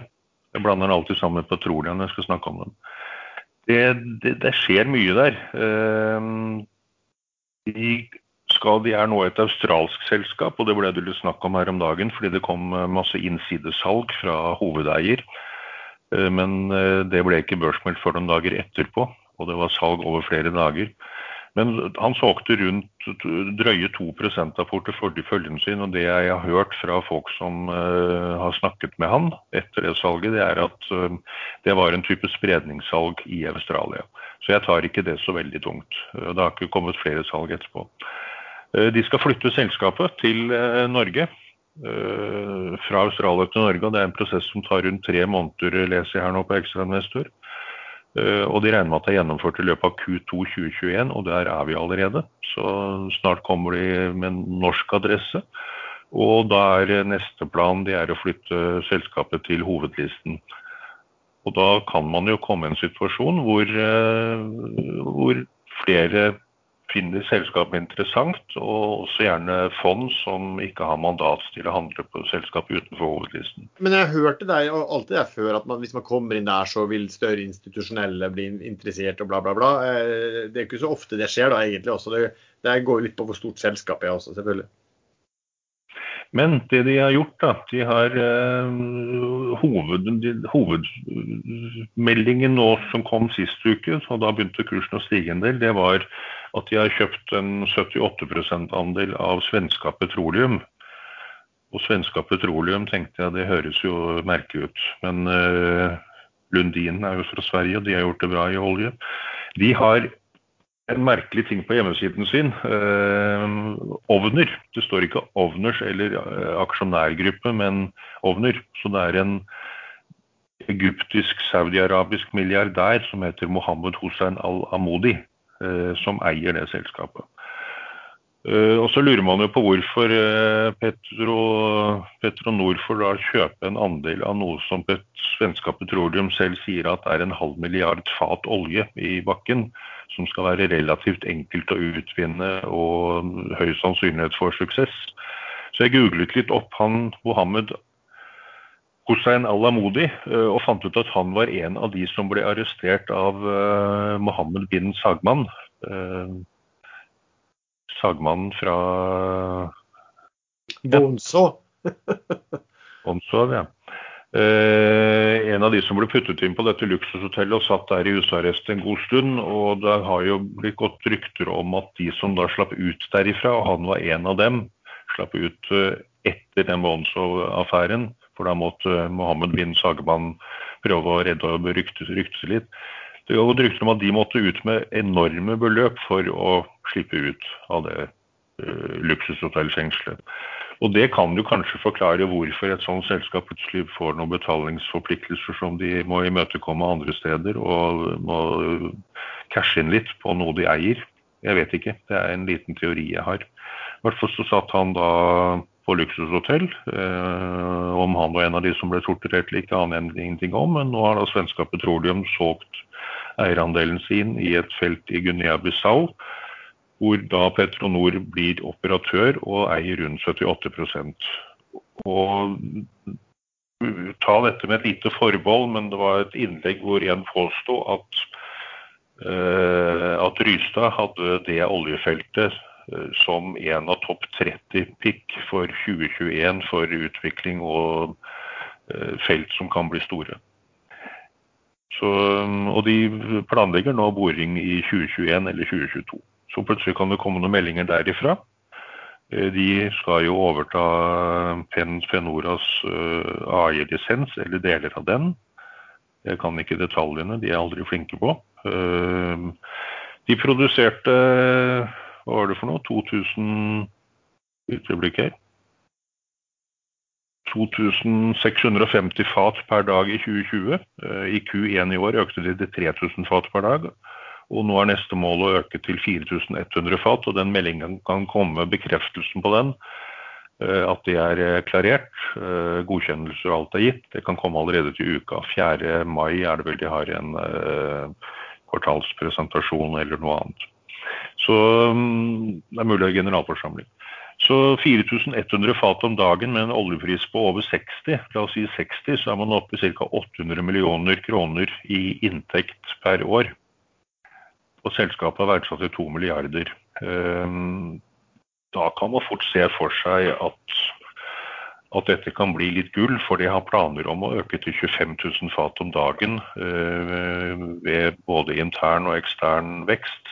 Så det kan komme meldinger om både videre oppkjøp og, og borekampanjer og økning på produserende felt. Så det, det virker veldig ryddete, selskapet. Og du var jo med, Lars, da vi møtte Søvold og og han andre jeg glemmer fartnavnet på hele tiden.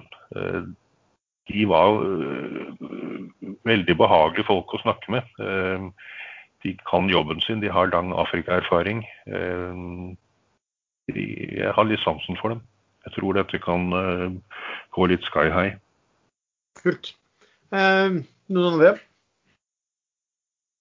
Nei, ikke noe annet jeg ser på akkurat nå. Da kan jeg ta uh, ja, kjapt to. En har vi nevnt litt, bare, da kunne jeg, for da kunne jeg bare fortelle bitte litt om selskapet samtidig. som Jeg kjøpte litt. Jeg var dum nok til å ikke være med i emisjonen, men jeg fikk kasta meg inn for den sirkelen åpnet så høyt. og Det var faktisk kjøpet i Argeo. Så dro jeg Sven, Sven sin gevinst uh, oppover også. De henta jo 175 millioner kroner inn, og premoney der var bare 50 millioner. Så i dag så er det steget, da, siden det har gått litt opp. Så market capen er gått fra 225 til 262 millioner. Hvorav altså, altså da to tredjedeler av det er ren cash. Og måten de gjorde det her på, var at de Og det lockup da for alle de som eide aksjer, over 1 av, av uh, aksjene før dette, og det var bare 14 aksjonærer. Det de har gjort her, da, er at um, de får warrants, um, disse her um, gamle aksjonærene. Uh, hvis da de får 3,75 millioner aksjer, hvis aksjekursen stiger med 100% ehm, innen to år. Og det, betyr at man går til 16,4 for det. Og så får de nye eh, en aksjer hvis den går da tredobbelt, eller går da 200% opp til 24,6 da. Så, så, så, det er liksom oppsiden, store oppsiden for um, de som var med og, og, og starta dette her. da. Um, hva skulle du si da, Er det litt Nordic unmanned til sjøs, på en måte? For det er jo det, det de skal holde på med. Det er sånne hva heter det, autonomous underwater vehicles. Uh, man kjenner jo til disse ROV, altså Remote Operated Vehicle, som gjør da, undersøkelser på, på, infrastruktur og oljeledninger og havbunn og ja, rundt omkring. Eh, men eh, disse ROV-ene de er også da kabeltilknytta skip, altså knyttet til skip, et moderskip. Mens disse AUV-ene de er uavhengige skip. De har ikke noe sånn kabeltilknytning. og Det skal da være, gjøre at det er mye mer eh, effektivitet, sikker kvalitet, mer kostnadseffektivt. De sier vel at et marked på 11-15 milliarder per år har allerede fått en god del avtaler, så de sikter seg på å, å få ha 80 millioner inntekter allerede i 2021 med en EBITA. Og jeg liker jo ikke EBITA, som kjent, men eh, på 15 millioner. Det sier jo ikke så mye EBITDA, hva de endelig tjener til slutt. Og de, de har som målsetting å ha 1 milliard i omsetning innen 2025. Har allerede åpnet kontor i Houston f.eks., så de ekspanderer til Nord- og, eh, Nord og Sør-Amerika. Eh, har gjort vellykka prosjekter innenfor infrastruktur og akvakultur. For det er jo der de holder på med infrastruktur. ikke sant? Annet sjekke hvor, hvor, bro, hvor broer skal bygge og bunnen der. og ja, Offshore vind, olje, gass, deep sea minerals. Ehm, så de har et, også fått en avtale som går på eh, flere, over flere år i, i Asia. Så jeg syns egentlig bra ledelse, som har bra bakgrunn fra Slumberger, PGS, EMGS, Magseis. Dette ser ikke, dekker ser på ingen måte dyrt ut. Um, og mm, Det var dumt jeg ikke så på det før, uh, før emisjonen, men det har heller ikke steget sånn voldsomt mye opp. Litt over 10% fra uh, fra emisjonskursen. Og vi, vi, ser jo andre som går, uh, som går eh, mangegangeren. Og her vil det sikkert komme noen interessante avtaler fram. Så den, den ene. Proximar holder jeg på fortsatt. Den har jo gått, stabilisert seg og gått litt oppover.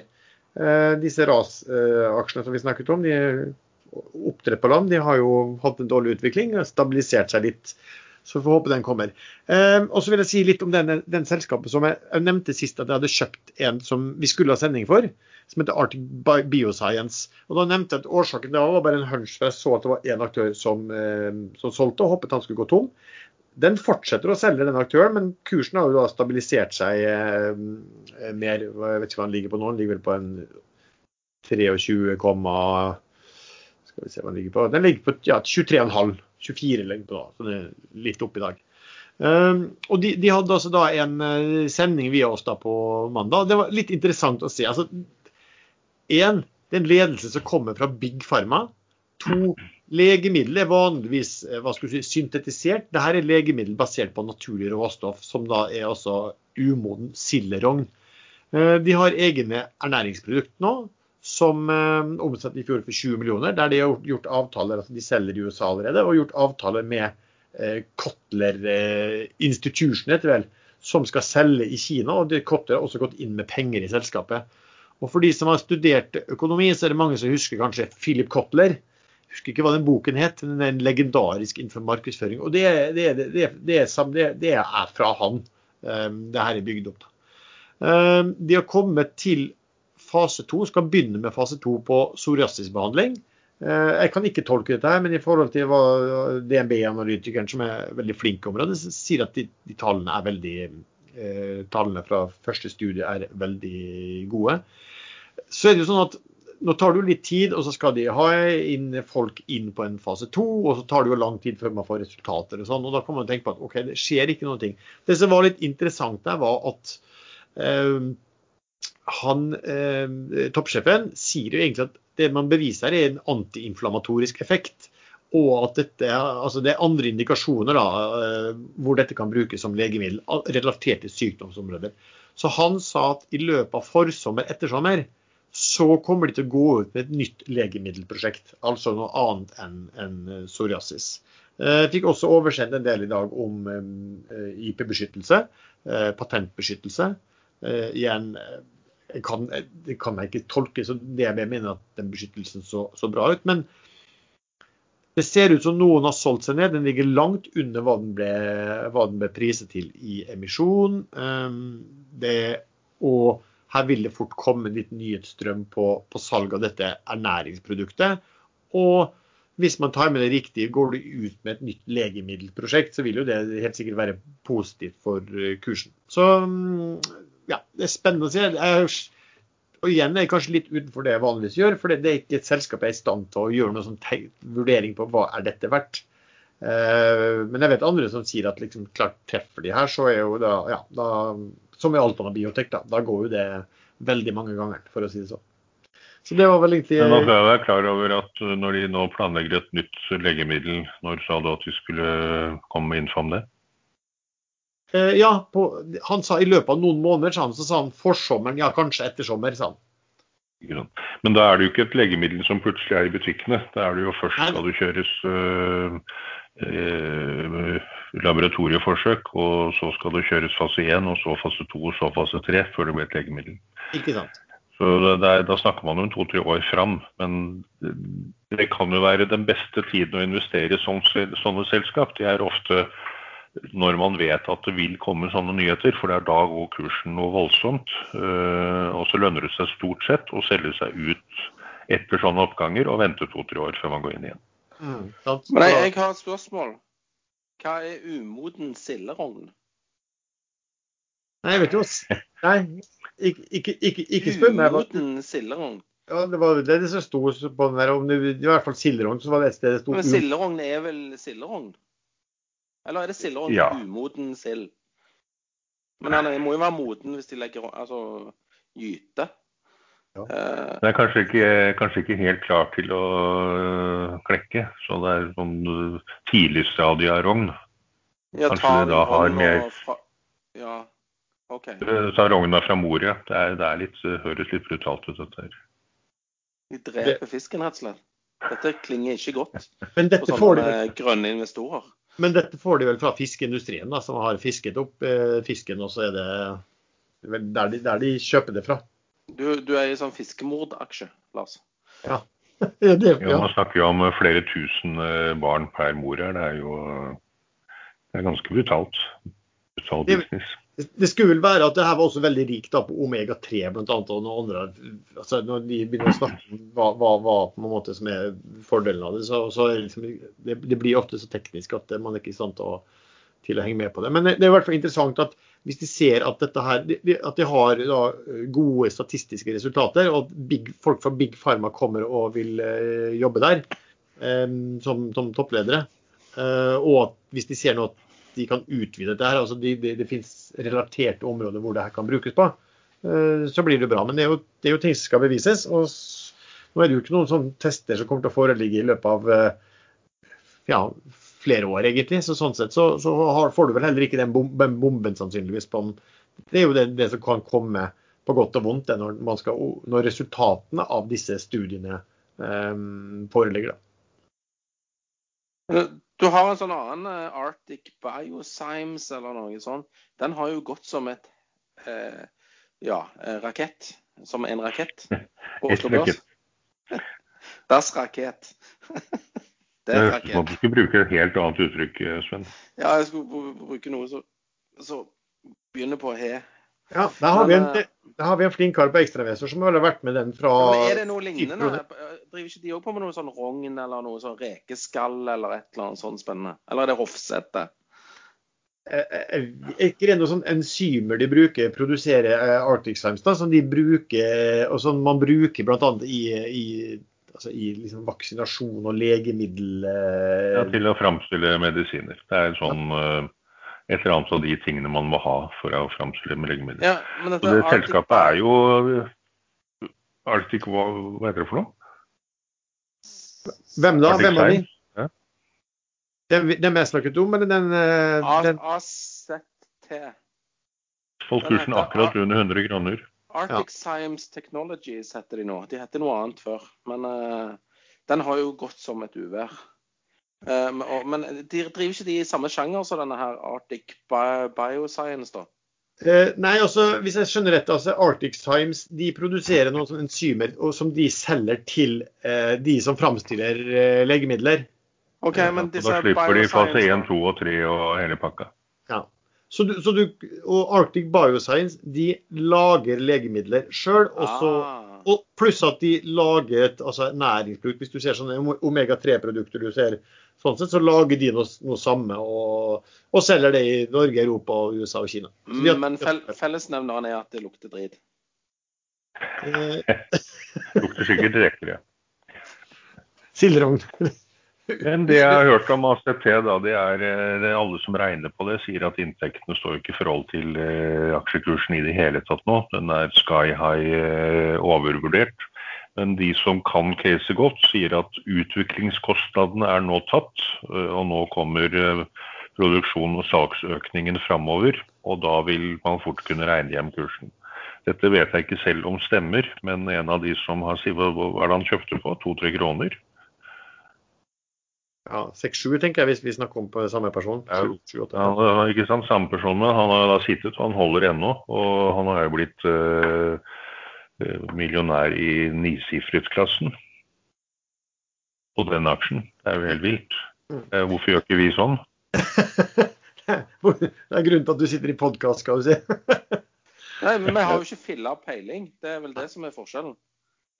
Men der var det noe, altså, altså, man gjorde en god eh, vurdering på det. og sånn som jeg har forstått det, er at de, de har noe helt, når, de har klart å på en måte lage dette, disse produktene, så har de helt sinnssyke eh, marginer på det. Eh, hvis jeg forstår det riktig.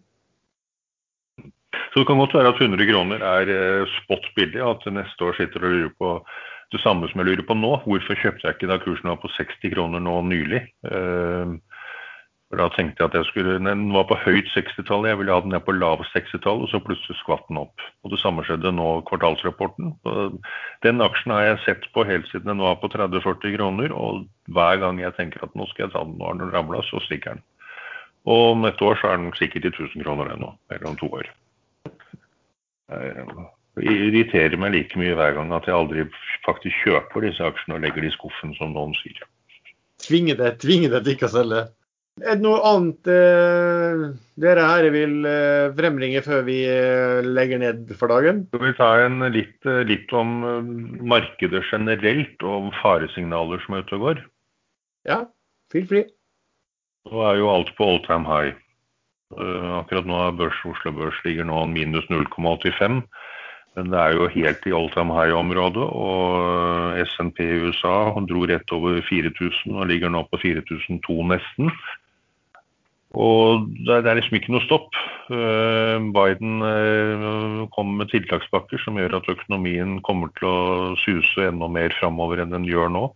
Men det, er, det faresignalet jeg ser nå, det er det som skjer i India med den indiske varianten på covid, hvor, hvor India nå har satt øh, setter nye rekorder, hvis man kan kalle det det, i antall smittede hver dag. Og antall, dette er jo helt tydelig underrapportert. Det er jo veldig veldig mange flere både smittede og døde i India enn det som opplyses.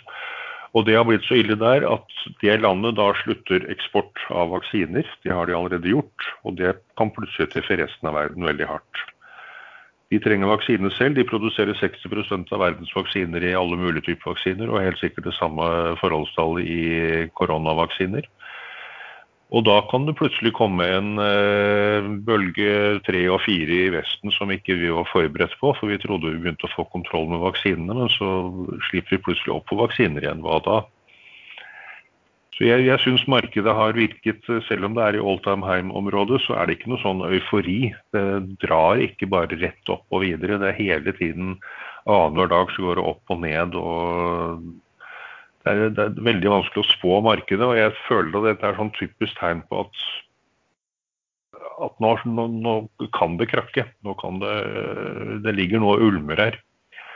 Men jeg vet ikke om det slår til. Jeg er litt forsiktig selv. Eh, det er klart Min investering i et oljeselskap nå, hvis det skulle krakke igjen, selv om det ikke har noe, egentlig noe særlig bety for det selskapet, fordi det, det er ikke nå de produserer oljen, men det, det er for framtiden, så så vil sånne selskap få en kraftig trøkk hvis det går feil vei og nye nedstengninger og øh, vaksinene var ikke, det, var, det var ikke nok vaksinerte før det plutselig kommer en mutant som gjør at de uansett ikke virker. Så det, jeg syns alt virker veldig nervøst, og jeg tror det er øh, korona som ligger bak. Jeg tror ikke det er økonomien generelt.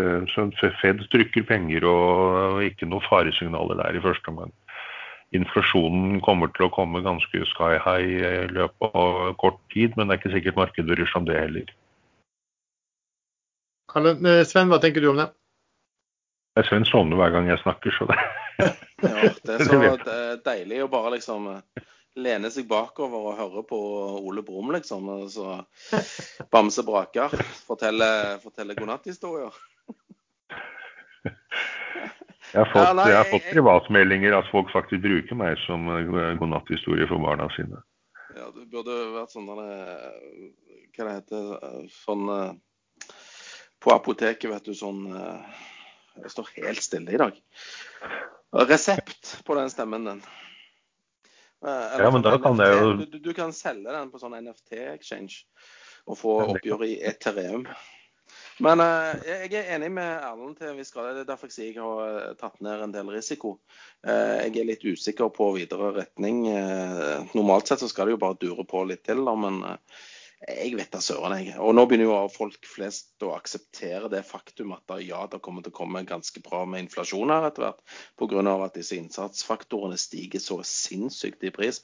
Fraktrater, trevirke, alt mulig du trenger for å bygge ting. Det, metaller og olje og alt bare går opp og opp og opp. Og det vil jo resultere i disse varene blir veldig mye dyrere. og ja. Vi snakker ikke liksom vanlig 10-15% prisstigning, vi snakker 50-100-200% prisstigning på sånne ting. Jo, men så at Prisen på matolje hadde gått opp 100 sa en eller annen tulling i Orkla. Det jo, men hør, altså I, i USA så er det vel forvent, de forventer vel en, en, at de forventer da, eh, inflasjon på 2,4 eller et eller annet sånt? Ja. ja. Men det er fordi det er veldig mye som ikke er i disse inflasjonsindeksene.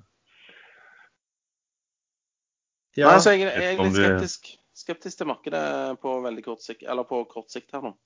Egentlig på lang sikt òg, men det har jeg jo vært lenge, så det nytter jo ikke. Men uh, på kort sikt så er jeg veldig varsom, tror jeg er ordet jeg har lyst til å bruke. Ja, Men skal, kan vi si sånn at vi, for der er vi um, Jeg tenker også litt sånn at vi, vi er nok inn på vei inn i en periode altså jeg synes nå, nå, har jeg vært litt mer nervøs. litt mer, hva skal vi si, Jeg tror du sist gang mente Erlend, at det var fint at det fikk seg en, en, en, liten hviler, da, markedet. At det var litt sidelengs. Men at det har vært litt sidelengs og, og litt mindre interesse har vi sett på, på, retail også. Men så begynner vi jo nå å gå inn i en periode da, hvor nå er pengene delt ut til disse amerikanerne fra Biden og alt der, og så går vi inn i en periode hvor kanskje nå man begynner å se inflasjonstall komme. Um, så, så, så, det er klart at hvis inflasjonen begynner å komme inn en del høyere enn man tror, da tror jeg det blir, kan markedet der bli ganske jitters. For det, det, klart, det gir jo ikke noe mening at du skal ha eh, inflasjon på 3 og, og, rente på, på 1 Eh, de sier så, så har vi plutselig flaskehalser tydeligvis i noen systemer her. Eh, halvledere er jo nå et stort problem. Markedet får ikke det det trenger. Så bil, bilprodusenter må skru ned produksjonen, og halvledere har man jo i, i, i, det meste i dag. Til og med brødristere har jo halvledere. Så hvor, hvor stort vil det påvirke markedet? Dette virker som at det er noe helt essensielt grunnleggende som vi trenger til nesten alt, som plutselig er mangel på. Uh, ja, for det har jo, ting, har jo, ting har jo sett uh, veldig lyst ut sånn markedsmessig, for det kommer så mye penger inn i, markedet og veksten øker så voldsomt. da, Men uh, vi har jo ikke hatt ha, Har vi hatt noe særlig dips, Sven, du som husker det? Siden, siden mars, har det kommet noen? Har, har vi hatt noen sånne spesielle Har vi, har vi hatt noen nedturer underveis som har vært på 10% i det hele tatt? Nei, ikke 10 tror jeg, men vi hadde et par rundt 5-6, tror jeg. Ja. Men så snudde det igjen. Mm. Men eh, galskapen blant retail-investorer, spesielt i USA, den har jo ikke avtatt. Det er jo bare å se på dette GameStop-greiene fortsatt. Det er jo like gale. Ja. Altså, du har tatt ned risikoen. Jeg har ikke gjort det. Jeg er fremdeles fullinvestert. Men jeg sitter på nåler her. Ja, men det går jo fort å snu porteføljen din. Ja, ja. Hvis du vil. Den er jo relativt ja. likvid, den der Petronor i hvert fall. Petronor er grei å komme seg ut av hvis man må det. Men, ja. Men uh, aksjer er verre.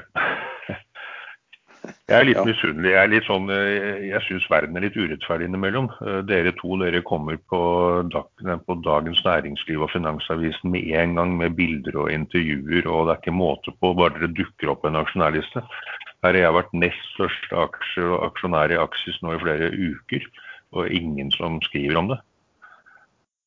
Det er, verden er urettferdig. Du er bare han med den mørke stemmen, Erlend. Det er bare å innse det. Du, skal bare være glad Ellen, når du slipper det der, tror jeg. Vi, vi, vi er mer kjent for vårt, yt vårt, ytre, du er mer kjent for ditt indre. Du er kanskje litt mer fotogen, Erlend. Det er sikkert derfor. Det er det, det Sven prøver å si.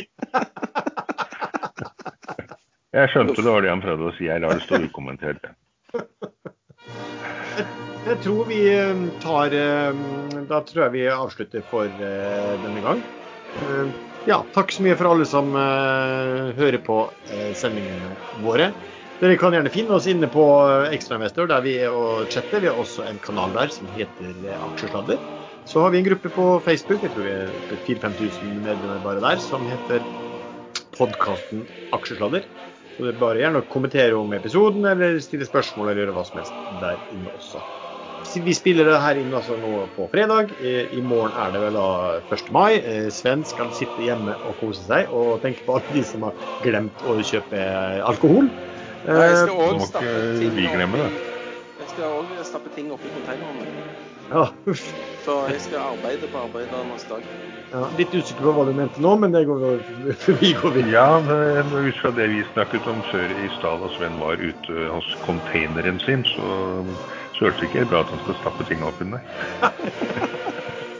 Men da ønsker jeg å ja, Og til alle de som skal gå eh, i eh, tog i morgen, så god tur får vi ønske da. Takk for oss. Da er det 1. mai? Hva er det man går i tog for, da? Arbeidernes rettigheter. Det er det, det er det. Ja, men det er jo faktisk en godt tiltak. Det husker, det husker, du sa i fjor òg. Altså, men da, hadde, da la du på sånn ekstra musikk, husker jeg, eh, Lars. Ja, stemmer det. Gjorde det for at de, og, og, etterpå det så skjelte de ut arbeiderne for at de ikke gadd å arbeide på 1. Eh, mai. Sånn, på, på jo, vi, vi, må gå i eget tog. Trenernes rettigheter. Vi har jo null rettigheter. Ikke pensjon, ikke dagpenger, ikke Nav. Ingen, vi får jo ingenting. Ved å bli profesjonell investor så frasier du deg òg en del rettigheter, faktisk. Tapsfond syns jeg vi skal ha. En sånn type bankenes sikringsfond? Tradernes sikringsfond? Ja, sånn, Fagforeningene har jo streikekasse. Jeg syns du skal ha en uh, tapskasse. Ja. En markedskrokkkasse. Alle gevinster beskattes med 2 eh, til fellesskapet forvaltes av Erlend Henriksen? ja. And he's gone. Erlend Henriksen. Postboksen. Postboks Panama. Det er bra dette er opptaket er avsluttet her, så vi slipper å få det ut i allmuen. Var, det, var det en påminnelse om at nå måtte jeg slå opptaket? Ja. Har du slått det ennå?